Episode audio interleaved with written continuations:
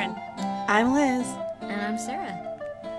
Okay, so today we are discussing the medieval classic The Canterbury Tales by Geoffrey Chaucer, which was published sometime between 1387 and 1400 AD. So this is an old one. Uh, maybe not as old as Beowulf, although I can't remember when we said that one was It's not as old as Beowulf. Be- Yeah. Beowulf was more like 900, something like that. Yeah, okay. But it's It still was pretty pre-Norman conquest. Yeah, I mean, and this it may one. not be as old as uh, Art of War. Oh, that's true.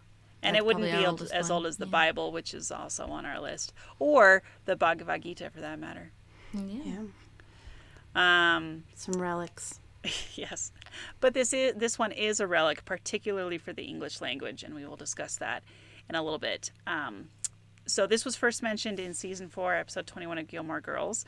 So Rory's talking to Dean about the end of her semester, and she says, "I don't have to think about Chaucer or Euclid or Kafka or Machiavelli for months. And that's it. That is the only place we get." A reference out of Gilmore Girls for one of the most significant works in the English language. So that's cool. Okay, but moving on, let's talk about Friday night dinner. What are we eating tonight, girls? Sarah, you first. Me first. Um, well, we've had a bit of a cold snap here at the end of October as we film this and film this, record this. I hope we're not filming this. These are not Um, video casts.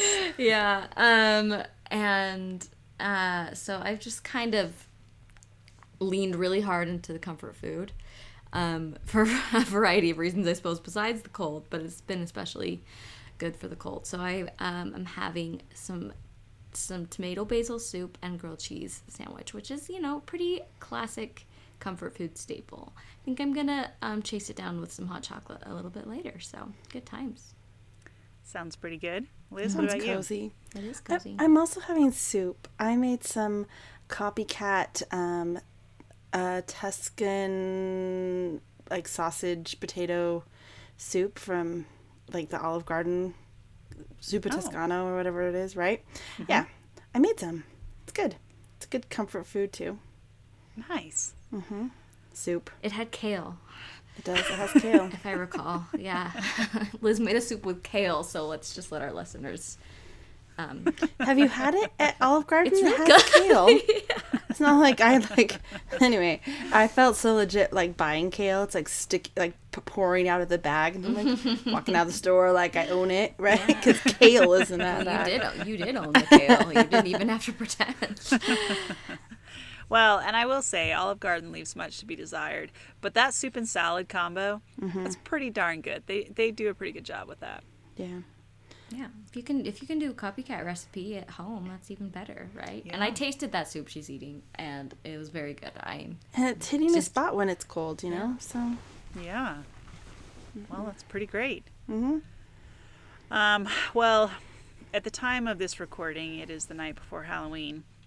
And so at work tomorrow, we're having like an all day graze, basically, of food. And so they've encouraged everyone to bring food in. So I am attempting a pumpkin trifle that. Uh, which recipe I stole from one of my friends who made it for a Halloween party like two weeks ago. And it was so good that I decided, all right, I've never made trifle, but it seems relatively simple. So let's give this a shot and see what happens. So that's what I'm in the process of eating slash making because you know you sample it while you go. that sounds really good too. I mean, I'm just blown away. Like that is ambitious and sounds so tasty. And I had a um, a Rice Krispie treat that I bought. Um, I don't even remember where I got it. It was pre-made. I didn't make it, and it was like an impulse buy at like a register, and and um, it wasn't clearly labeled that it was a pumpkin as opposed to a Rice Krispie It was Oh. a pumpkin spice crispy. Oh, it was actually very very tasty. And you know i'm not one to kind of go all in on the whole pumpkin spice yeah, very trend. millennial of you. um but it was inadvertent and i have to say i was on board. It was really good. So yeah Nice. Well, it's a perfect way to really celebrate Halloween because it's not like we're. I mean, the candy's good. Don't get me wrong, but you know, why you can not? get a little tired of, you Yeah. know, you can only have so many Twixes or Reese's eat. Reese's or Snickers Kit before you kind Um, of get do you guys get to dress up at your work? No, although apparently in the past they have dressed up, and each practice group has had has like had competitions or whatever. And I guess last year there was something about like the corporate group was the greatest showman, and like our office head was the greatest showman, and everyone else was an animal, which I thought was actually pretty funny. um, but this year there's been no mention of costumes, so I don't. I don't know. Some people may be kind of dressed up tomorrow, but There's some um, people that take Halloween pretty seriously, regardless of what, um, Is allowed. or it like yeah, what's happening like Mm-hmm. organizationally sponsored events. People are gonna dress up no matter what. Oh, That's yeah. always been the case at my office. I have never really been one to dress up for Halloween, I, with a couple ex- at work, with a couple of exceptions. But tomorrow, I um am going full Halloween Grinch and actually just working from home.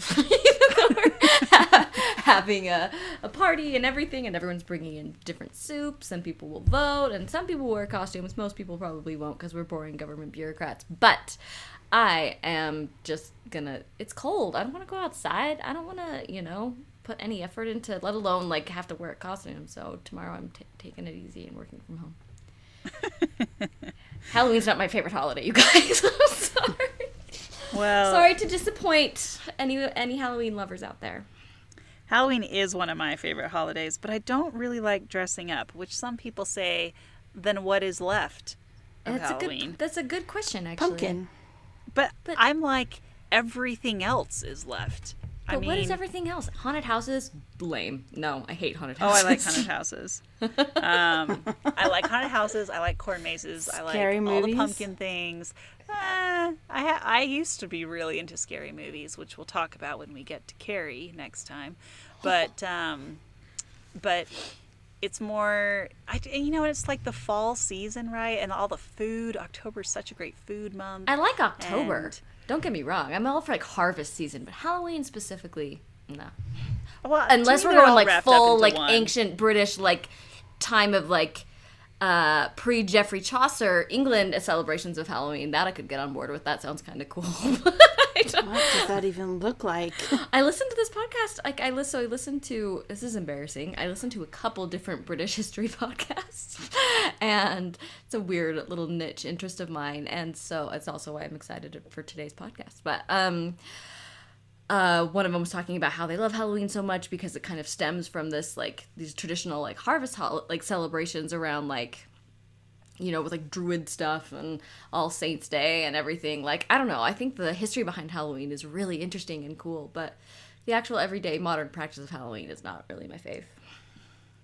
Well, I don't know. I think it's pretty great. But which is and- no, like, not to say it shouldn't, because I think more power to you. It's great. It's just not my thing. Well, a lot of people don't like it. You know, it's kind of an unnecessary. Some people think it's an unnecessary holiday. Some people don't like the darkness of it. Some people, you know, I don't know. But I just think it's fun. I just think it's fun that like. So, Pop Culture Happy Hour by NPR has one of my like all-time favorite podcast episodes on candy. Yeah, I've listened to that one. It's, It's great. amazing. It's so funny. Um, I think I listen to it every year because I just think it's hilarious. But they talk like one of the panelists talks about how like she just thinks it's charming how like people can dress up in costume and we let them come to our houses and give them candy just for knocking on our doors.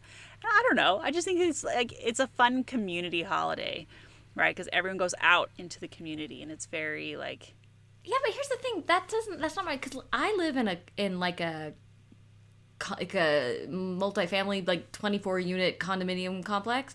People don't trick or treat there, right? So it's just kind of sad and depressing. I don't know because I because I hear you and I'm agreeing with you. I just am thinking sad. How come people don't come trick or treat at my house? Because that does sound fun. But I just mostly Halloween as an adult to me just seems like this isn't fun after age 12. Why are we still doing this? Um, that's Well, that's- some- I- the Grinch in me. I told you that's why I'm staying home so people don't have to see my Grinchiness. there have Um, been. I just find it a little Halloweens exhausting at school. yeah. Well, okay, that's fair. But yeah, I mean, there are times when I go to my parents' house, like just so I can be the one to hand out the candy to the kids because they don't like doing it anymore. Mm-hmm. But I think it's super cute to like open the door and be like, "Oh, look at your cute little costumes." Yeah.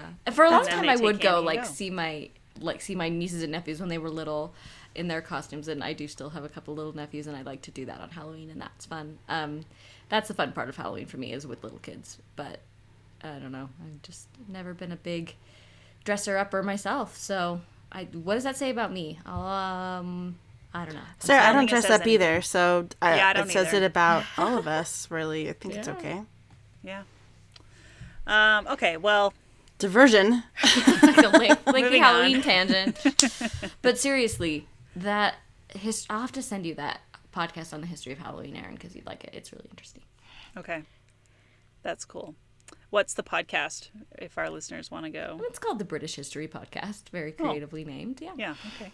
And then there's one so and then the other one I listen to, I think is called the History of England or something like that. I don't know. But um yeah, good times. The Anglophile and you just Mm-hmm. Can't help warms myself. its heart. Yep. Um, okay, well, so let's get into our British history because um, this uh, this will be a lot of it.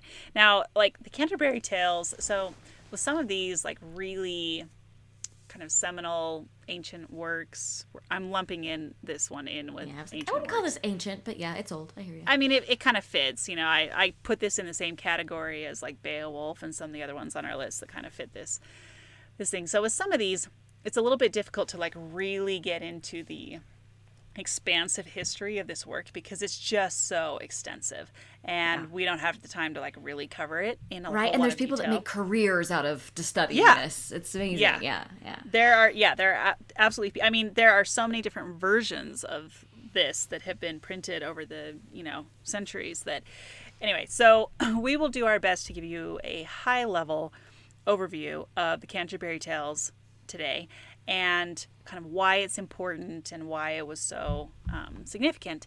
And then we will leave the rest up to you to go um, discover on your own. So here is a brief description of the story, the Canterbury Tales, from the website canterburytales.org, which again, people make careers out of this. They sure do. Yeah. All right, so this is what they said. Uh, the Canterbury Tales, written in a combination of verse and prose, tells the story of some 30 pilgrims walking from Southwark to Canterbury on a pilgrimage to the shrine of St. Thomas Becket. En route, the pilgrims engage in a storytelling competition to win a meal at the Tabard Inn. Thus, the Canterbury Tales is a collection of 24 stories told as the pilgrims make their journey to Canterbury Cathedral. So that's basically the essence of it. Now it's um, it's pretty big, the full Canterbury Tales. You can get a lot of books that have just like so, you know selections of the most popular ones. Like I have one that's a selection of the most popular, or some of the more well known. But you can also get the full 24 stories. Um, so here's a little bit about why it is significant. Um, and I, again, I'm taking well, I'm taking this from a couple different websites, so I'm going to read a couple different sections here. Uh, okay, so after a long list of works written earlier in his career, the Canterbury Tales is near unanimously seen as Chaucer's magnum opus. He uses the tales and descriptions of its characters to paint an ironic and critical portrait of English society at the time, and particularly of the church. Chaucer's use of such a wide range of classes and types of people was without precedent in, in English, like the English language. Although the characters are fictional, they still offer a variety of insights into customs and practices of the time. Often, such insight leads to a variety of discussions and disagreements among people in the 14th century. For example, although various social classes are represented in these stories and all of the pilgrims are on a spiritual quest, it is apparent that they are more concerned with worldly things than spiritual. Structurally, the collection re- resembles Giovanni uh, Boccaccio's The Decameron, which Chaucer may have read during his first diplomatic mission to Italy in 1372. Um, it has been suggested that the greatest contribution of the Canterbury Tales to English literature was the popularization of the English vernacular in mainstream literature, as opposed to French, Italian, or Latin. English had, however, been used as a literary language centuries before Chaucer's time, and several, several of Chaucer's contemporaries also wrote major literary works in English. It is unclear to what extent Chaucer was seminal in this evolution of literary preference. So, Chaucer was um, kind of an interesting character. He kind of rose to power in the king's court um, at the time and became, uh, you know, as I said, kind of this like diplomatic guy. So, he went to, he traveled to different countries on behalf of the King of England and, um, and and was, he was a like poet. a poet. He Yeah, was he was a court poet, yeah. wasn't he? Yeah. Yeah, he was a poet. So um, he was the first uh, writer to be buried in Poets' Corner of Westminster Abbey. So that's kind of cool. Um, Seen it. It's so cool. Not to brag. That was a brag. That was absolutely a brag. Seen it. Okay. Yeah, and kind No, of but a it- weird brag, to be honest. But okay. I've seen a very nerdy brag. Corner. as they say, weird flex, but okay. Um, I I mean, I have, so take it. I just like the idea. Um, I like the idea of uh, like a, a mid- you know. I guess this is not. This is pre quite pre Renaissance, high Middle Ages, like a court poet. What does that look like? I can just Yeah. picture like people with like lyres in the background. You know what I mean? I don't know. Yeah. No, it's true. He, um, yeah. So he, let's see here. Um, other like fun random facts about him. So he is considered to be the father of English literature. Um, he gained fame as a philosopher and astronomer, and he composed a scientific work called A Treatise on the Astrolabe for his 10 year old son Louis. Wonder what that was like. Um, so, yeah, he was a bureaucrat, a courtier, and a diplomat. Uh, let's see here. What else would be interesting? Did he this? look like Paul Bettany? Is what I. That's how I we will talk. No, but I- we will talk about that. we I'm will talk about sure- that. I have some thoughts. Yeah. Um, and I bet the history of the astrolabe was kind of funny. He's funny. He seems funny. yeah. Right? Like there's some wit. So, and it's for Yeah. a 10 year old. So yeah. maybe clean? I don't know. I, I don't know. clean and funny? I, I don't know. Less preoccupied with virginity, but continue. This is true.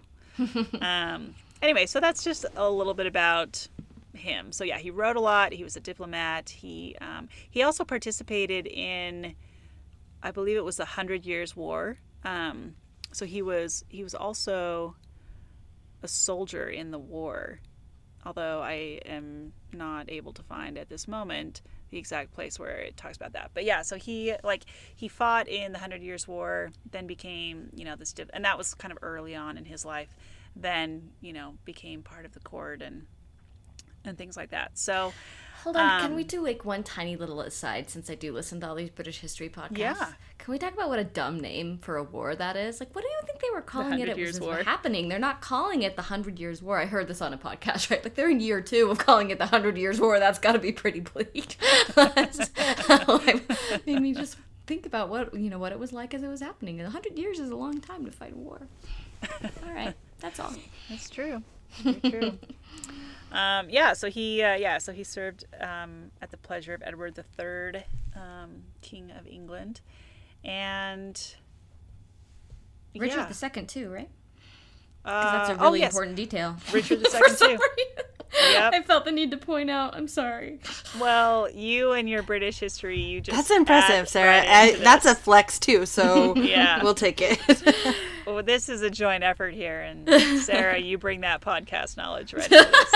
and her knowledge of the British royals, like know, not just know, current, It's vast. way back. I'm pretty sure I'm descended from like Richard the Second or something.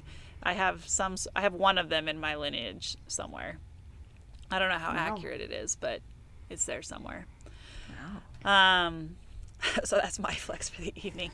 Flexing all over the place. Your royal, your royal lineage, no big deal. My royal Princess lineage. Erin. I mean, really, if you're gonna brag about your lineage, but we'll wait for the Da Vinci Code on that one. Oh yeah. Oh yeah, that'll be great.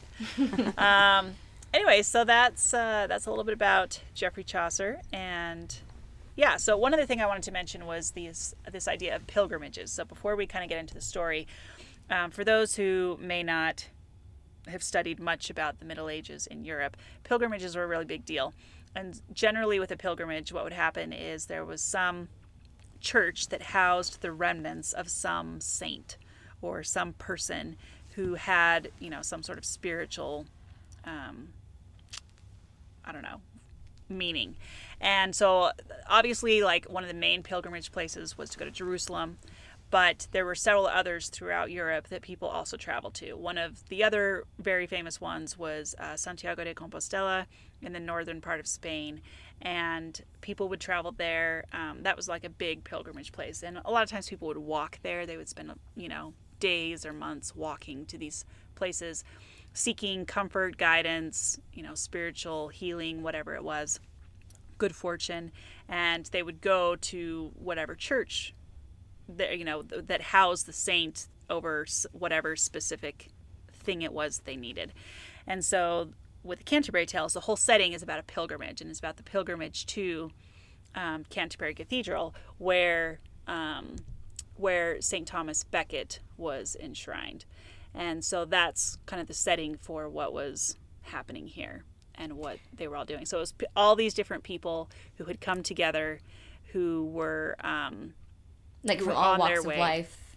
huh? Yeah, from Like all, from all walks, of life. You have like a knight, and you have like you have like all the rank, like the ranks in society represented in different ways. That's why I wish I'd had more time that I could read all the tales because I do feel like that they interweave and kind of inform one another and making a comment about you know one status versus another status And they comment about each other, right? Yeah, like yeah. Yeah. the wife will be like, "Let me d- give a little dig to the, um, to the friar," and then the friar, you know, just kind of or like the miller is saying Mm-hmm. stuff to deliberately annoy the knight kind of a thing you know but um, the other thing i liked as, as far as talking about the pilgrimage erin is um, you can kind of get the sense that because i mean often these pilgrimages were really um, intense and involved maybe traveling to the holy land but like canterbury was kind of achievable right? That this was Yeah.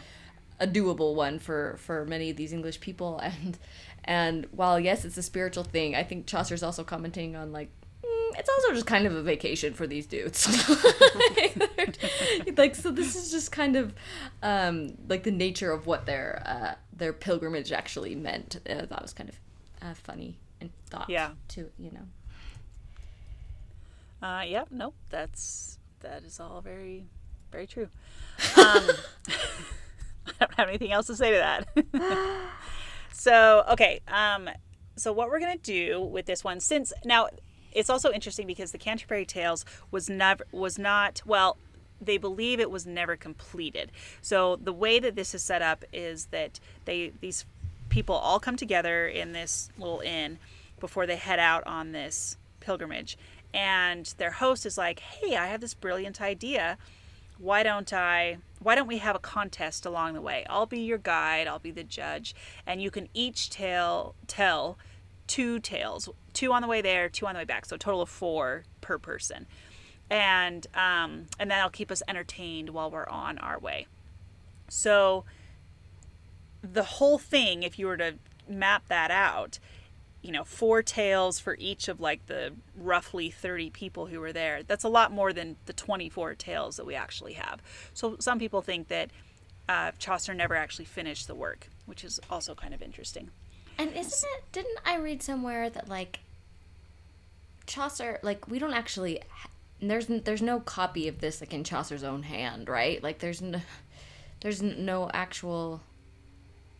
um, was- there's well there's just a lot of i actually don't know that i like read that in my studying although that could very well be true but um, i mean it's certainly been like Like there's no adapted contem- there were no contemporary copies of it, right? It, but Yeah. like the, they, they made sense that it was as popular as it was because it was available in all these ways, but never at the time when it was supposedly published or something. I thought I had read that or learned that at some point, which I thought was kind Like of in a podcast? idea.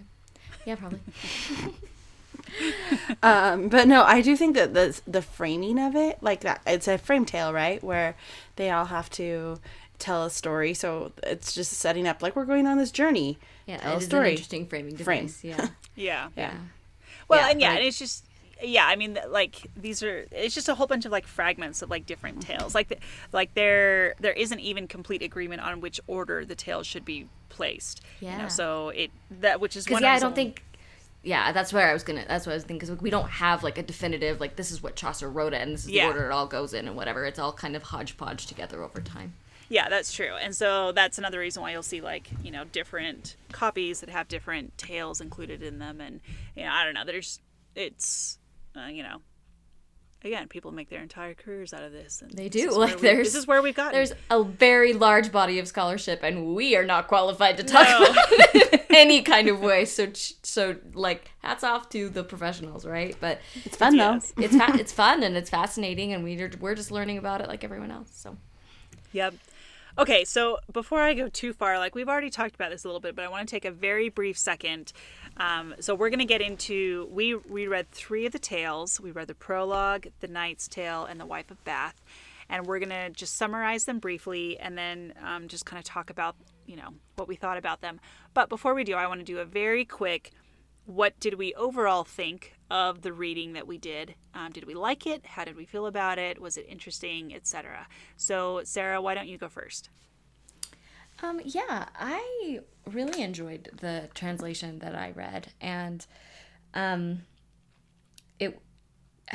You know, it's kind of a similar experience like reading Beowulf, right? A translation of older Middle English, and and but I was surprised at how you know for for it being that it does still jump off the page i feel like to a modern reader and it's fun to read and and the verse is fun. Um the uh i didn't read any of the prose parts. I uh i did want to because i don't know that we'll get to this and i thought it was an interesting thing. In the translation i read which was um uh who uh burton raffel is it's a new unabridged translation by burton Raff, Raffel. I apologize if I'm done just butchering how to say that name, but essentially he talks about how his poetry is incredible and like that's really easy for a translator, but like kind of like a, um, like a uh, that he was really bad at prose. Like English wasn't a prose language at the time, right? Like it was mostly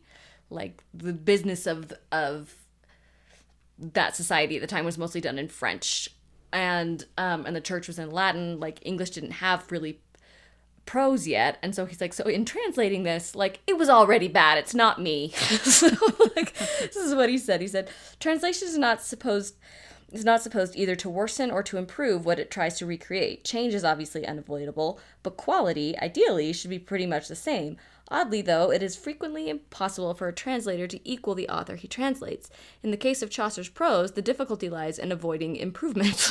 like it's like hard for me not to make this better because it's so bad. and he says, "I have tried to be fair both to the modern reader and to my manifestly struggling 14th century author." Which I really.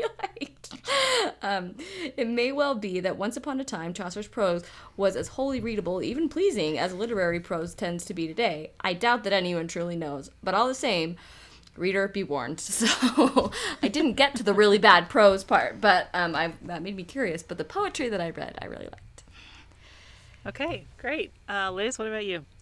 Um, I liked it. I thought I like anything that has really like lots of interesting characters and lots of interesting stories that kind of weave together. Um, so I mean, it kind of just makes me. It made me like just think about like what makes a good story, or like why are we telling like it. I don't know. It just made me think about stories in general, and um, the characters I thought were funny, and it was just an entertaining read. So yeah, Yeah, I'm a fan. Was that was a fun read. Yeah, that's kind of how I felt too. I I will admit I was a little bit nervous about reading this beforehand, kind of like with Beowulf, where I was like, oh, I feel like I'm just gonna be like, you know, slogging my way through this. But it was um it was surprisingly easy to get into, and I you know once I kind of got the rhythm of what was happening, then it was not hard to pick up on the story. Although I there were times when I would go to the you know Middle English side and try to read that because the poetry is much easier and clearer and I think more interesting reading it the way it was originally written. It's kind of hard to translate poetry sometimes. And so um, every so often I'd kind of go over and look at a different page and I'd be like, oh, that's actually much more elegant than what I'm reading in my modern day English. But yeah, I liked it too. um you know i felt like it was really transporting right like i felt like i mean this is kind of a, a work that has seeped into so much of our culture and our language and our whatever that maybe it's just so easily recognizable because it is so foundational but i did i did feel like it you know it really especially in the Knight's Tale, which you know I'll get a chance to talk about in a minute, is I, I don't like it. Just kind of painted this picture of you know, of I- I don't. I could just imagine like a knight in the Middle Ages telling this great, you know, epic Greek, whatever story that he tells, and I know, and I'm just, I'm just as eloquent, as- Poetic. yeah, uh-huh. yeah. But I don't know. I just, it, it was, it, pa- it painted a very vivid picture that I feel like was as effective now as it was then. So Yeah. Um, okay, so let's get into these tales. So again, we're going to be kind of summarizing and discussing the prologue, the Knight's Tale, and the Wife of Bath. And um, so I'm going to start with the prologue. Now we've already sort of set the setting for what's happening here. You know, it's all these people from different walks of life who come and they end up at this inn and they're all going to um, in the same direction they're all going on this pilgrimage to canterbury so i wanted to read the very first part of this because it describes sort of the like time of year that they're out and i was listening to a thing in um, about this about the canterbury tales and it said that they still think this is the best description of spring that exists today and i was like oh all right well that's big so Erin's not easily impressed. Let's hear I'll take a spring description though. I'm cold. yeah, it's freezing here right now. Anyway, so um, so this is the very first paragraph, and again, this is from um, my translation. I'm reading the uh, Bantam Classic. Um, that's all that I've got on here, but this is what it says. It says, When April with his sweet showers has pierced the drought of March to the root, and bathed every vein in such moisture as has power to bring forth the flower, when also um, Zephyr with his sweet breath has breathed spirit into the tender new shoots in every wood and meadow, and the young sun has run half his course in the sign of the ram, and small birds sing melodies and sleep with their eyes open all the night, so nature pricks them in their hearts. Then people long to go on pilgrimages, and palmers long to seek strange shores and far off shrines known in various lands. And, especially from the ends of every shire, in England they come to Canterbury to seek the holy, blissful martyr who helped them when they were sick. So Interesting. that's our setting. So I was um Sounds like a good time to go on an epic. It does. Like spring is the time when we go on pilgrimages. But that's so interesting, Erin. I was following along in my copy as we were reading to see the differences in the translations, and they are significant. um, I mean, they have the same general like outline, but um, but just as like a little teaser says, when April arrives and with his sweetened showers drenches dried up roots, gives them power to stir dead plants and sprout the living flowers, that spring has always spread across these fields. And the god of winds then blows his gentle seeds in every wood and heath of England, feeding tender crops as the sun, still young in the sky, compels small birds to sing their melodies, creatures who sleep at night with open eyes, exactly as nature frames their lives short ages, then people think of holy pilgrimages. I like how they tried to rhyme short ages with pilgrimages. Uh-huh. Pilgrims dream of setting a foot on far off lands, of worship or distant shrines, their thoughts reaching for grace as holy teachers taught them, and mostly from everywhere in England they hurry to the blessed ancient town of Canterbury to worship the martyred saint of Thomas a Becket, who's helped so many lying deadly sick. Hmm. Interesting. I just think the whole process of translation is fascinating, and probably it m- makes a pretty profound difference in your enjoyment of the Canterbury Tales. Absolutely. Who was the best rhymer? Bantam. I don't know. No, I, would think go- that Sarah's was better. Yeah, I felt like I read that same one that Sarah read, and I was like, "This rhyming is wonderful." Well, that's why I said like there were times when I would go back to the Middle English because it rhymed better in like the Middle English. But um, yeah. But this also sort of highlights this fact that you know, kind of this worldly view towards spiritual things. That you know, it's like, oh, it's springtime, time to go on pilgrimage. Like, Yeah. let's go. Interesting. I Let's wonder why that would be. Wanderlust. Because is it You're because trapped it's like in the cold forever. You got to get out. Yeah, I was like, is it more practical because it's winter over? Is it because of more symbolic, like a rebirth of like life and warmth and light coming back into the world? Like I don't know. Probably all of the above. Yeah. Um, yeah. So okay, so that's the prologue, and then he gets into so Chaucer's kind of telling this from his own point of view that you know he's also there in um, at this inn, and, and he's watching all these people come in. So he, I'll just tell you the cast of characters, and then we'll move on to the others. So we've got a knight who is a valiant man. and kind of represents the you know upper upper class. We've got a young squire who's the son of the knight.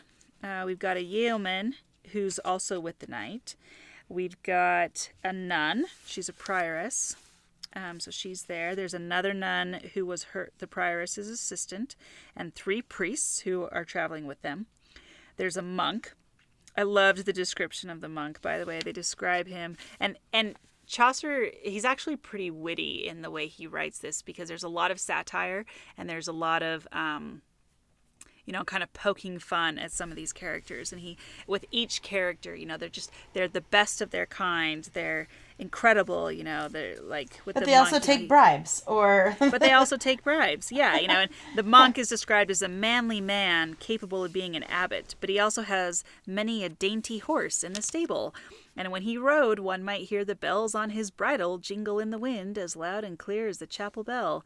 And you know, and and he, you know, he's got uh, double chins, and they, yeah, they like use money. You know, he talks about how with one of these that um Oh yeah, this is again with the monk. You know, he knew the taverns well in every town and every innkeeper and barmaid better than a leper or a beggar woman, for it is not fitting for such a respectable man as he, in his position, to be acquainted with sick lepers. Um, you know, and this, you know, it's not right. There is no profit in dealing with such paupers. But with the rich and the sellers of food, and in general wherever it might be profitable, he was courteous and humbly serviceable. There was nowhere a better man. anyway, so they just go on like, like that. it. Yep. There's a merchant, there's a clerk of Oxford, there's a sergeant of the law, there's a Franklin, there's Can a I tell you- haberdasher. Can I tell you? I'm, you're gonna laugh. Don't laugh at me, but this is what it made me think of, right? Like, kind of setting the scene, like of all these characters, and I don't know, like what, like, where, why it struck this nerve, it, but it did. It made me think of like something like Parks and Recreation or The Simpsons, right? Where you have this town, you have this like these these characters with these real. I don't know, like they just kind of popped off the page in the same way to me as as these created universes where like this whole community is important and not just like your protagonist. You know what I mean? Like you you know in the Simpsons you have like your newscaster and your mayor and your um, Kwik-E-Mart convenience store clerk or whatever, and, or or like in Parks and Rec, there's this just the recurring characters are just funny, and I don't know. To me, it's just kind of read as like a 14th century version of that. I thought it was more like um, Chaucer was like showing the new kid around the cafeteria, and he's like, "Here's Yeah, where these that's what I kids sit. too. Here's where these kids sit." and they're all amazing. And and then, but really, he's like digging on some of them, and Yeah, then like, but uh-huh. like, and they interact and how they don't interact. It was yeah, Mm-hmm. all good comparisons, you guys. So anyway, so that's roughly our cast. There are others in there too. There's a doctor and a cook, the wife of Bath, which she is a very interesting character, and we'll talk about her when we get to her tale. And a miller, and um, anyway, so they all have their own tales as we kind of go through this journey. They all, you know, give their own tales. So that is the prologue, and now let's move into the Knight's Tale. Sarah, take it away. Oh, sure. Well, just like a little brief rundown of the tale. So we have a knight, and um, you know, Chaucer kind of gives the setup for kind of describing who the knight is. Well, the knight's tale, you don't spend a lot of time like learning about the knight. You're just going right into the tale, right? So it's just his, you know, like, and he was and he was the first. He's the I think generally considered to be like even though like we said before we don't know exactly what order it i think it seems like the general consensus is the knight's tale comes first as kind of like a representation of like he's the Well, they drew straws, right? Yeah, they drew straws, and um, yeah, I mean, at the end of the prologue, it does say that um, that the lot fell to the knight, for which everyone was very glad, and uh, you know, just that. And, and it does, but it does make sense. There is agreement, yes, Sarah, to your point that He's first. as kind of the highest one. yeah in the not that not necessarily as like a part of the structure of like But the ranking. but Yeah, like but in terms it, like, of ranking, he was, like he's he's kind of representing the the higher whatever and then we kind of go from there um Yeah. and and but his tale is um uh, it's kind of it's actually based on um something else uh, chaucer was inspired by an epic poem called Teseida, um and which is uh, it was Italian and it was by uh, Giovanni Boccaccio. Is that the same guy that wrote the Decameron? I don't remember. Anyway, Um, I but think so. um, so it wasn't. Yeah. Yeah. So what I'm saying, just kind of like Shakespeare, like lots of these these writers and poets and storytellers, they are they're using kind of established stories and reworking them. So the the tale he tells is kind of the story of it starts with um, this great uh, Greek warrior Theseus, but I don't. uh, He's he's here's what was unclear to me maybe if as you guys tell me what you think was theseus supposed to be like the theseus or was it just like a greek guy named theseus Anyone? Um, I think he was just telling the stories. I think it's the no i think it Theseus. was I the think- I thought it was theseus the yeah like the min like like the minotaur theseus Yes. yeah it is uh-huh okay the um the, the Theseus. Theseus. the, the Theseus. the Theseus. so it's a story about Theseus, and he's traveling along, and he encounters these women who stop him, and and they're crying and weeping, and and saying that their um their husbands had been killed, and and they by I forget which somebody. And um and he, it required him to go back and avenge so that they the her the, these women's husbands could be properly buried. And that incited this military conflict where and we meet these two knights who are cousins and their names are Palamon and Ar- Archite or Arcite I don't know how to say his name. And they are they become prisoners of war of Theseus essentially right? So Theseus takes them back to Athens and they're imprisoned in this ca- in this in this castle and they both see this woman Emily and they both fall madly in love with her. And what what the Knight's Tale is kind of a textbook example of is the the literary um, concept of courtly love. Now does, does our resident English teacher want to say anything about courtly love or should I just move on? I took a whole course on courtly love, so I could talk a lot about it. But Please do. no, I don't feel think like I'm going to. I don't think that there's really a lot. A lot to I- say. Yeah, I- it's I just an example. It's a good example of courtly love, right? And Yeah, there's, but the idea um, of courtly love is that it doesn't matter if you're married or not. Like it's like being, it's like love from afar in a lot of ways, right? It is. I read a little bit about it because I was I, lo- I I tried to learn a little bit about um um kind of w- what was you know what what was the deal with courtly love? What did it? What's what, the deal with courtly Yeah. love? exactly. Not courtly love. Not Courtney Love. Courtly love. And hold on, and I'm a resident expert on this because of that class. No other reason. Go on. Um, but courtly love was essentially it was like a medieval like literary thing, right? It wasn't necessarily like a real life. This wasn't necessarily how people lived their lives in the Middle Ages, but this was kind of like a literary trope, and it always involved kind of like this. Um, like worship of a woman from afar and like declaration of devotion and and then the lady had to kind of virtuously reject the advances and And she there would be did. lo- She's like, I don't want either of them. I want to stay a virgin. yes, it's all about that. And so they're always so these are like the things that always have to happen, right? There has to be like yeah, virtuous rejection by the lady, and then lots of like moaning and sadness about you know how they're not gonna be with their eternal love and and you know de- you know great brave deeds in her honor and trying to prove their love and you know chivalry every that's you know that's what that's what it is. And that's what the knight's tale is essentially an example of right? So these two cousins these knights they um they both fall in love with her and they i mean the ins and outs of the story Are not that important. not that important right like one of them I'm like, gets "Uh, re- don't get into it. I'm not going to. One of them gets released from prison, the other one has to stay, and it's like who has it worse? Because the one that, you know, is gonna be for I don't know. Anyway, I, who I does thought have it worse? The one who can see her The one and is imprisoned, her? or the one that's free but will never see her again? um, I thought that was an um, an actually an interesting part of the story. But Would then so then then it kind of circles back where they uh, the other one eventually gets released and then they're like fighting over her and Theseus is gonna have them both killed, but then the girl that they've fallen in love with, Emily, who's Theseus's like sister in law, I think. So Mm-hmm. Emily and her sister are like, no, save them, wait. And so Theseus organizes this big tournament t- for them to like fight to the you know winner takes Emily sort of a thing. Great, great times. Um, Epic.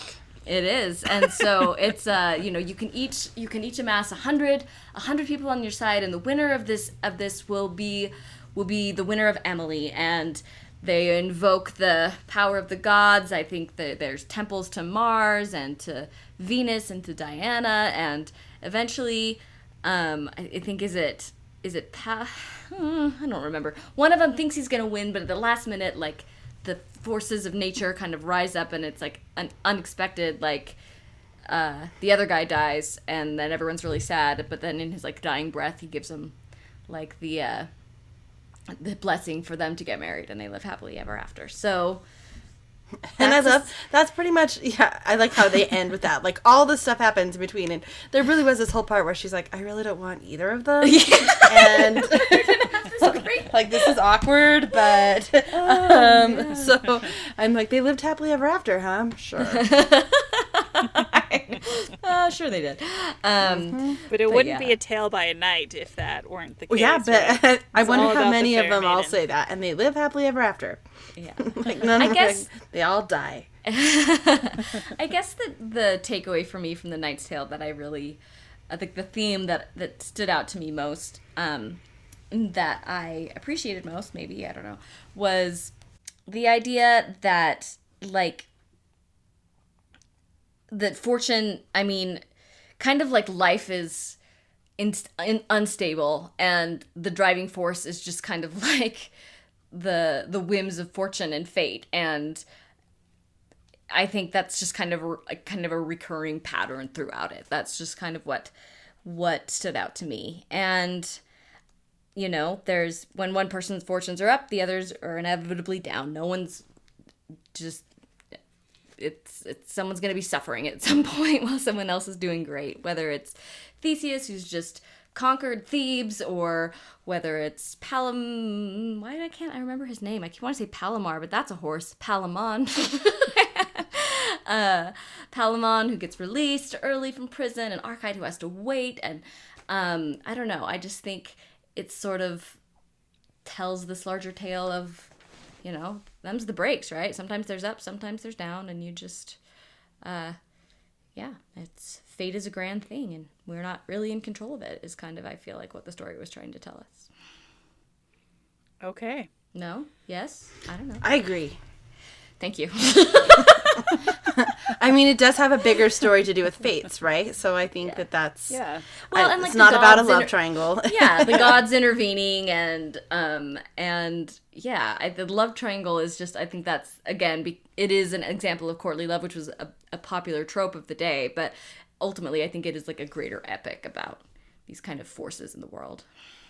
Well, but I think too it's interesting because you know the the Canterbury Tales is so much a commentary on um, on English society at the time, and so the idea of the fates, you know, that there are people who are you know sort of like this these winds of chance that are changing the tides and kind of you know making the decisions behind the curtain in a you know Wizard of Oz kind of sense. Like uh, it's it's interesting because Yeah. there's a little bit of satire in that, right? But there's also a lot of people kind of had that view, right? Like you were born, you know, England had this very rigid caste system and you were born into that and you didn't really move from that. And so, you know, there you kind of you kind of end up where you are and this whole thing about, you know, the fates determining your future. I feel like that would be very something that a knight would absolutely like put out there to the world, you know, here I am and I have achieved greatness. And the fates have supported me along the Emily should Yes. love me no matter what. Right. well, he didn't I love do- Emily, but still. Right. I did, but that's a good point, Erin. I really like that. I do want to share um, just this one little pa- the actual passage from the translation because talking about who has it worse because I thought that it was phrased really well and it is kind of a, you know, uh, a good question, right? Where this is after you know, uh, Palamon has been has been released and Arcite is still locked up and he says, "You lovers, now I need to ask this question. Which existence which existence is worse? Palamon's or Arcite's? One can see his lady day by day, but never lose his prisoner's chains. The other may ride wherever he wants to go, but will not see his lady any more. Judge it as you please, you who can, for I will go on telling as I began." um, Nice. Just thought it was a cute little way to wrap up part one there. So thank Done you and done. the night. Yep. Ponder this. Moving on to Okay, let's Others. talk about the wife of Bath, Liz. Okay, let's do it. So, um, the wife of Bath. I read the prologue first, which was a treat. this is like longer than the actual tale. Yeah, a little bit. Yeah. Um, and the prologue, um, is actually just kind of funny because she kind of like introduces herself in the prologue, right? And she, it's almost like this, um, you know, feminist manifesto or anti-feminist manifesto, whatever way you want to spin it, because it's very like hypocritical or like she she she contradicts herself a lot. Anyway, it's pretty funny. So basically, she starts out and she's like, "I'm gonna tell you like how bad it is to be married. Speak woe of marriage." And then she's like, and I can do this because I've been married five times. And so, and she says, and she like goes into this huge defense of like the married lifestyle because it's necessary and all this thing. And even if you're being criticized for being married so many times, don't criticize her so much. It's necessary, and she should like having sex because she talks about that. And then it says it takes the. She's like going on and on for a while, and all of a sudden the partner interrupts her this is the part I liked. The partner interrupts and he's like, "Well, okay, but um, he where was it? Oh, he says, wait." Oh no! At this, the partner interfered. Now, lady, he said, by God and by Saint John, you make a noble preacher by God's own bones. I was just about to marry a wife. Oh Lord, why should I give her my flesh so she can gorge herself? I'll reconsider and think this over. And so the wife is like, whoa, whoa, whoa, that wasn't what I was trying to say. So then she goes on, and uh, then she goes on to talk about how really it's okay because she um, likes the married lifestyle and it's necessary because people have to be married. And she just goes on to talk about how. Um, from her own experience, because remember she's been married five times, right? Um, that she where is it? oh she she's like I've been married five times and I love it, but here's the problem: my husbands have all been unfaithful, or misogynist, and they treat me badly, and I imagine they did because well the times right, and then at the very end she's like but it's okay because i managed to get everything i want from them and like i can control them. And so she's like i like being married. So like i said it's kind of a weird contradiction. I mean that's kind of just the gist of it all. There's a lot that goes into it. But um she does go off about like what goes into marriage for a long time and but she does end it by saying she she you have to get everything you want from the man which leads into the tale which is just kind of interesting. So when it says getting everything you want it doesn't mean like it just means that you have to be in control basically i think is really what she's trying to say. And that is really what you learn from this tale. So um, her tale starts in king arthur's days right? And a young knight rapes a maiden. I was like woo right? Right away. And he sees her walking and he you know does that and so king arthur's gonna have him beheaded but guinevere and her ladies are like no no no that's not a good punishment for him so they drag him in and they tell him he has a year to find out what it is that women most desire and if he can't find out, then he has to come back and be beheaded then. But he has to go on this quest for a year to figure out what women want. So he does. And he goes on this quest and he talks to all these women and he gets all these contradictory answers and he basically can't find it. And he's like, oh, great, what do I do? I have to go back now and be beheaded. And he runs into these fairies and in the middle of these fairies is a hag and she's really ugly and old. And she's like, oh, I'll save you, but I'll tell you what women want, but you have to do whatever I want. Like you have to follow my one res- one request. So she tells him, and here's what she says. This is what men most desire. You guys can agree or disagree because, you know, we're women. What Are- women most desire? Yes, ready? Ready? The hag tells the knight that women most desire to have sovereignty over their husbands and lovers. right? And so the knight goes and he tells Guinevere, tells all the ladies, and they are like, oh, yeah, that's right. That's what we want. And so, um, and so then he's like, okay, cool. And the hag's like, all right, well, I desire to be married to you. And so he marries her. He's a little reluctant because, well, she's old and ugly. And She's a hag. fast forward to their wedding night, which we that's what we're told on. And so then the wedding night, the knight's like, I'm not really wanting to consummate this marriage. And so I don't know what to do. And the hag's like, What's wrong? Why don't you want to what, what let's do this, right? And he's like, Well, you're ugly and kind of low class and you're a hag. And so he offers her a choice. We don't use the word hag enough anymore. I'm just gonna use it. It's great. I agree. Anyway, so he's like, Well, here's your choice. You can either have me as an old and ugly woman and know that I will never cheat or be I'll be good and faithful, everything you want, right? But I'm still gonna be old and ugly. Or you can have me as young and beautiful, but there's no guarantee that I'm gonna be a faithful or good wife for you. And he's like, "Mm, That's a tough choice. How about I just let you decide? Is what he says to her. And she's like, Good answer. That's what I wanted to hear. I, you shall have both. And so he, she becomes young and beautiful and faithful and good, and they live happily ever after. And he showed that it is good to be obedient to your wife and to have control, right? Let her have control of the decisions, basically. And that's how the wife concludes it. She says, um, here's like the old English, right? Um, Husbands make young and fresh a bed, and grace to overbide him that we wed. And she also then calls. Da- I like your accent when you read. Thank you. English. she also calls down a curse on husbands who refuse to be ruled by their wives. The end. calls down a and scene.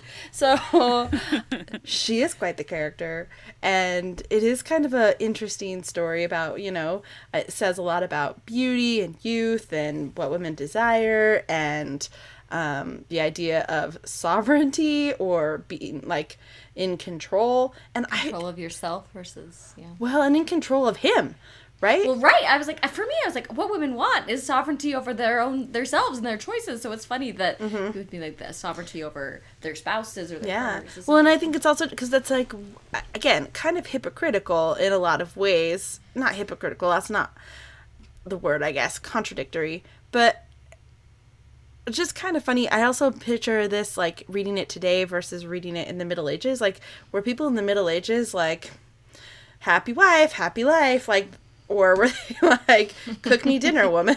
right? I don't know. Well, I do think that I Chaucer think was both. trying to kind of make a commentary on the treatment of women at the time, who were mm-hmm. primarily seen as tools of reproduction and feeding me. So I don't, you know, who knows? Mm-hmm.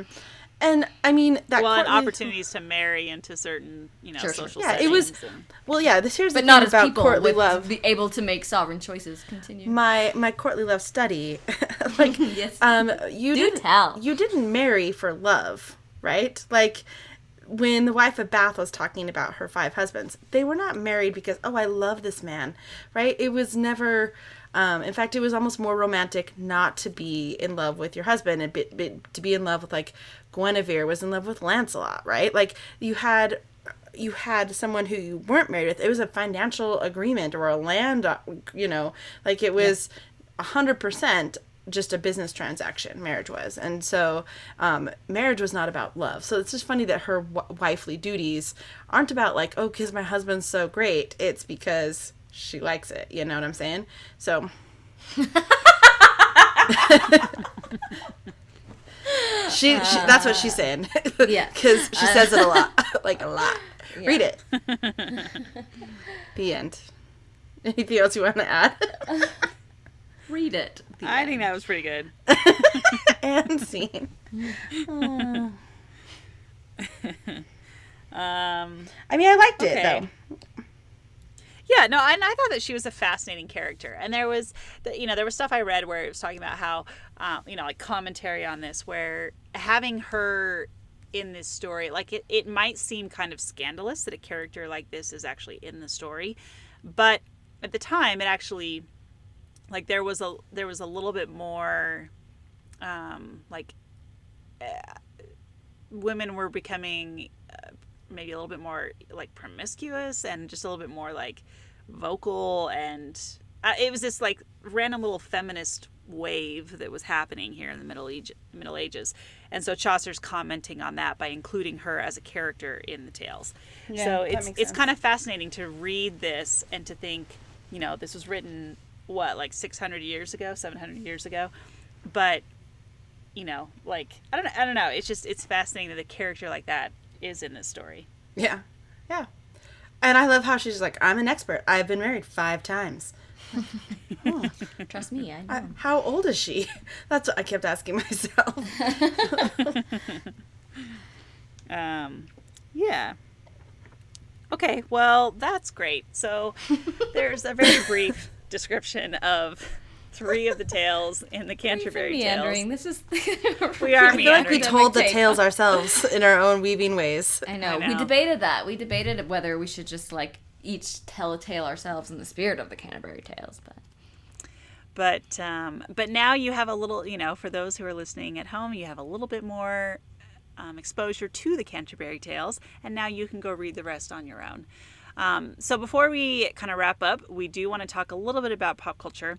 Again, this is another, you know, this is a work where it has permeated our pop culture in so many different places that it's a little bit challenging to um, to like really get into this in depth. But here are a couple things. I found this interesting. So, one of the most expensive books in the world that has ever been purchased was a Caxton's first first edition of the Canterbury Tales, which was sold at auction at Sotheby's for 7.5 million dollars in 1998. So that's cool. I Um, mean, but first edition. I want to know more about this first edition, right? Because it's not like. It's not like there were like publishing houses. Like the first printed edition was it a manuscript? What? What? what where And what has he done with it? Like, is it in the British Museum where it should There, be? the British I Library does have a copy of an early version of the Canterbury Tales, Yeah. but like first edition, it's like that joke on that old movie. Remember, like I got you a first edition of the Iliad. what was that movie with Jennifer Lopez? You know what I'm talking about?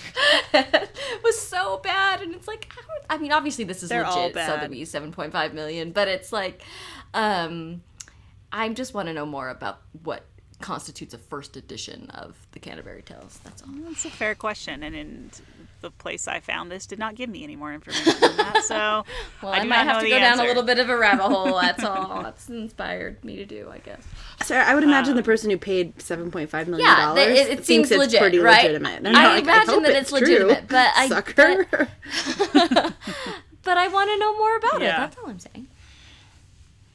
Yeah, I don't know. And first edition could have been, you know, 50 years after, uh, well, it could have been 100 years after Chaucer was there, right? Like when was the printing press invented? 1492? Was it the same year that Columbus went? It was right around the same time that the printing press came out. So Yeah, it was in Anyway. the, it was it was in that same century, and so yeah, it could have been. But yeah, like because I think the very first copies of it were handwritten, and then well, yeah, for sure. yeah and then it was um and then it was uh yeah but so it's like i want to know more about this supposed first edition edition yeah i, I, don't, know why i'm so Fourteen skeptical. It was invented in fourteen forty. Well, I if Googled any Googled of it. our listeners have more information, or if the if anyone knows the person who bought it for 7.5 million, we we would be yeah, happy so to we'd talk like to them. look at it Yes. Um, okay, so a couple other things. Um, there have been, you know, several stage productions of various things relating to the Canterbury Tales. There's one uh, starring William H. Macy. This was in 1975. He performed in a rendition of it with the St. Nicholas Theatre Company at the Gurney Renaissance Fair. And uh, after the show, William H. Macy, David Mamet, and Patricia Cox worked the crowds with a mind reading act. So that's cool. Um, the University of Waterloo. actually. yeah Yeah.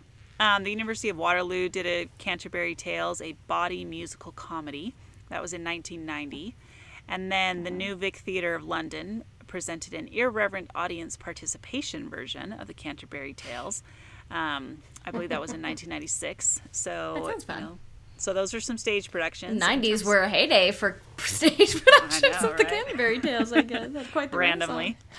um, in terms of movies, there are a few different movies out there. There's one by uh, Pasolini. Um, there are also several other productions of Canterbury Tales. Um, you can go look them up on IMDb, and nothing was particularly interesting. There's one But 1972. we're going to talk about Heath Ledger, right? Well, we are in a second, yes. Um, 1944, Calm down. 2003. we will get to Heath Ledger. um, My Hey, goodness. that movie was very formative for me. Okay. All right, so let's just go there now. Um, so, A Knight's Tale, um, in case you were wondering if we were ever going to get to that, A Knight's Tale has the same title as The Knight's it's not based Tale, on the roughly. Knight's Tale. and it's kind of very roughly loo- ba- or very loosely based on the Canterbury Tales. I mean, Geoffrey Chaucer is a character played by Paul Bettany, but other than that, He's it's delightful not- in it. I like He his is so good in it. Yeah. Oh yeah, he's great. No, he's great, but it, it ha- really has nothing to do. If you were thinking that A Knight's Tale is the story, The Knight's Some kind Tale, of and Canterbury's adaptation. Tale, nope, Yeah. it's No. not. Did Not at all. and Chaucer's like a super hype man. He's great. Yeah, I mean, I love that idea of Chaucer as the hype man, right? Like that. I was so clever, and Paul Bettany is so incredibly charming, verging on like so sexy. I think is like like But that sixteen-year-old me was like very attracted to Geoffrey movie's Chaucer in this movie. anachronisms with the music drove me insane. So But it was I had a but, like hard that was obviously intentional. It was supposed Yeah. to be fun. Yeah. Sure, but I didn't love it. But Liz, why? Because I didn't like gonna all need a better sudden golden years while they're doing some weird dance. You you thought David Bowie was a strange yes. Musical? I was like, selection. I mean, at their feast, and she's like strangely like looking like a 90s beauty instead of. It um, was fun. and Well, was her style 90s. her style was very interesting and Yeah. severe. It was It not was meant fun. to be It like was yeah, fun. It was meant I to was- be No, fun it was a and not total meant to be like a serious period piece. Yeah, It was a total spoof, and yeah, just a fun, a and fun thing. jousting's upsetting. It is upsetting, but like I feel like that movie is just very. I actually haven't watched it in a long time, so I don't know if it holds up. But it was one that I loved in high school, and look, because I loved Heath Ledger. Was, he, It was like- that pre 10 Things I Hate About You no? or It was post? post. It was post.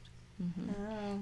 So those two were like twin pillars of important Heath Ledger for a young teenage girl, and I I loved that movie. I thought it was, and I did think Geoffrey Chaucer was so charming in it, and the idea of like this poet, this you know, like his that was how he, uh, you know, I don't know. He was just the whole imagination of that character. Whatever you were like, Chaucer was he's him. naked. he was very attractive. I'm not gonna lie. Oh gosh, the Wife When was the last time you seen that movie? It was fun. I mean, It's been a while. It's been a long time. I It's been a while. what if I was like last night? no, it's not. um yeah, it's uh it's just kind of, you know, you've seen the traditional whatever, like Middle Ages Renaissance fair, you know, kind of spiel. Like, it was just kind of a fun spin on on those notions, those ideas, those expectations and I thought it was fun. Yeah, no, Everyone it's, uh, go it's see a it. good one. hmm Yeah. If you have not seen it, go see it. The Knight's Tale is Because great. Geoffrey Chaucer is a great character in it. He is a great is. character, Mhm. He is a and great it's just a, and it's a compelling story. You know, like it's a good one. So I think to our younger listeners who didn't have the pleasure of you know Heath seeing Ledger this when they movies. were in- Heath Ledger movies when they were in high school, you can revisit them. They're there for you now still. Um, all right. Well, besides that, there, uh, there. I was trying to look up music about the Canterbury Tales. I found one artist, a guy by the name of Baba Brinkman. He's Canadian, I think. I even found like a whole podcast episode where he was interviewed as someone who um, randomly has this album called the Canterbury Tales Remixed. It's not at all what you think it is, and I'm was gonna play a clip. I'm not. I just don't even think we want to go there. But you can go We're look throwing it up some on our shade on Spotify Baba account. Brinkman, but I support Erin's decision having listened to it. Ooh. so you can you can go find it on our Spotify playlist and listen to it there. Uh, good job, Baba Brinkman, I guess. All right, so now that we finished the book, let's talk about what we're inspired to do. Um, Sarah, you go first. Um, you know, I maybe I'm inspired to go on a pilgrimage. I feel like uh, that's kind of a little like a silly tongue-in-cheek answer, but also not. Like I think religious pilgrimages are something that are actually a big part of our faith tradition. It's something maybe not quite as explicitly as like we are going on a pilgrimage now, but often a lot of some of these cultural things like anyway, it's an interesting notion of a pilgrimage, and so um, I think I want to explore what you know, like a pilgrimage to an important place for me, whether it's to a person like like a literary. I've done like You could go to Poets Corner. Could go to Poets Corner and see Geoffrey Chaucer. I mean, I didn't want to brag. I too have have been to Westminster Abbey and Poets Corner. Not it's not just Liz. um, but that was fun when we went to England. It was like full of like that was like a trip full of pilgrimages for me, and then so it made it inspired me to think of what are some pilgrimages at home I could do. So pilgrimage. That's a good one. Yep. Um, okay, Liz, what about you? Um, so I guess my thing it inspired me to do is to not pledge to get okay. Go with me on this. I can't wait. Do not But make a I'm buckled in. Let's do not make a pledge to not share the same love interest with other people. So like Erin, Sarah, and I, we could all have a crush on the same man from afar because it's Courtly, and it could be a really weird love triangle.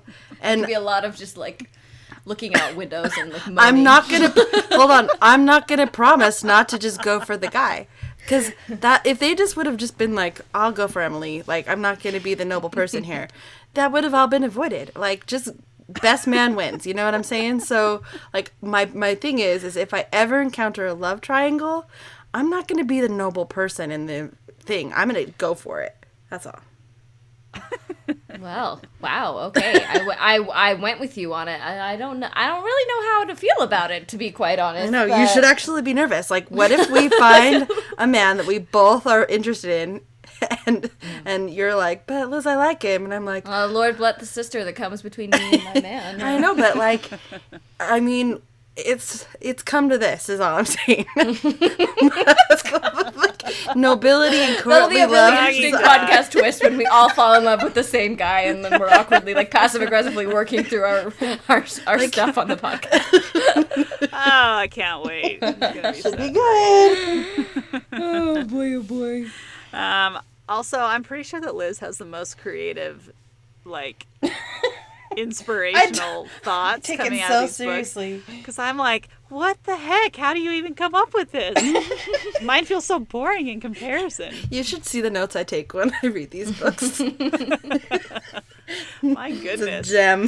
the English teacher and you's coming out. Oh, sure, that was some deep analysis right there. the English teacher me would have been like, let's all tell really beautiful stories. Yeah, I was gonna say because remember when we did Bel Canto and we listened to the Pearl Fishers duet? That came out of making a pledge that they would never abandon each other over this woman that they both loved. Yeah, and 'cause- that is a beautiful piece of art, Riz and Riz. and um, and I'm just saying, Sarah, you seem us, a you're little denying, worried. You're denying us You these like like a little worried about this, so it's fine. these mutual like pledges of mutual devotion to each other, and I'm a little bit sad about that. But all right, I know where your priorities are, and now let's move on to what Erin was inspired. to. Tell good stories. That's another thing. Okay, cool. Well, mine was that I just wanted to keep reading more of the tales. See, like I said, it's boring. It's not very inspiring or creative. But I just thought they were kind of fun. And I thought, you know, I just want to keep like picking away at these tales as time goes on because at one point, and you know, at some point, I would like to have actually read all 24, which we intentionally did not do this time. In 16 years, do it. Mm. yeah, we only have so much time to read these books, you guys. We have to. so please forgive us for not being completists in this case. well, we did. We. I mean, Wow, the book's not even. that was a derisive laugh. Erin, cut that out. Well, the the entire work is not even complete, so I feel like it's not a big deal. I wasn't trying to be derisive. I was just laughing because, like, they're gonna like are, we know that they're forgiving us or not. Like, we forgive you. We get all these comments, forgiven. Yeah, go forgive us on Instagram. That'd be great. okay, well, Sorry, that Sarah. was inspiring. Um, As always. so, what did you think of the Canterbury Tales? Come find us on Twitter, Instagram, and Facebook at Reading with Rory, or join the conversation on our website at readingwithrory.com. You can also follow us on Spotify for some awesome Baba Brinkman um, and other music about this timeless tale and our other books. So don't go check out. that out. miss out on that. and then you can tell us what you think of his uh, Canterbury Tales remixed. Uh, also, don't forget to leave us a review. We love to hear how we're doing, and it really helps other people find our podcast. So, if you like what you hear on Reading with Rory, please go find others or help others find us by leaving us a review. Next time on Reading with Rory Tell Rory, your friends. That's a good yeah, go, yes, exactly. Go tell your friends. Um, next time on Reading with Rory, we're going to be reading Carrie by Stephen King. This is our first Stephen King novel. We have, I believe, four of them on the list. So this will be our intro to Stephen King with the classic Carrie, and we'll have strong opinions on it. So look for that. Um, and in the meantime, thanks for listening and reading along with us. We'll catch you next time.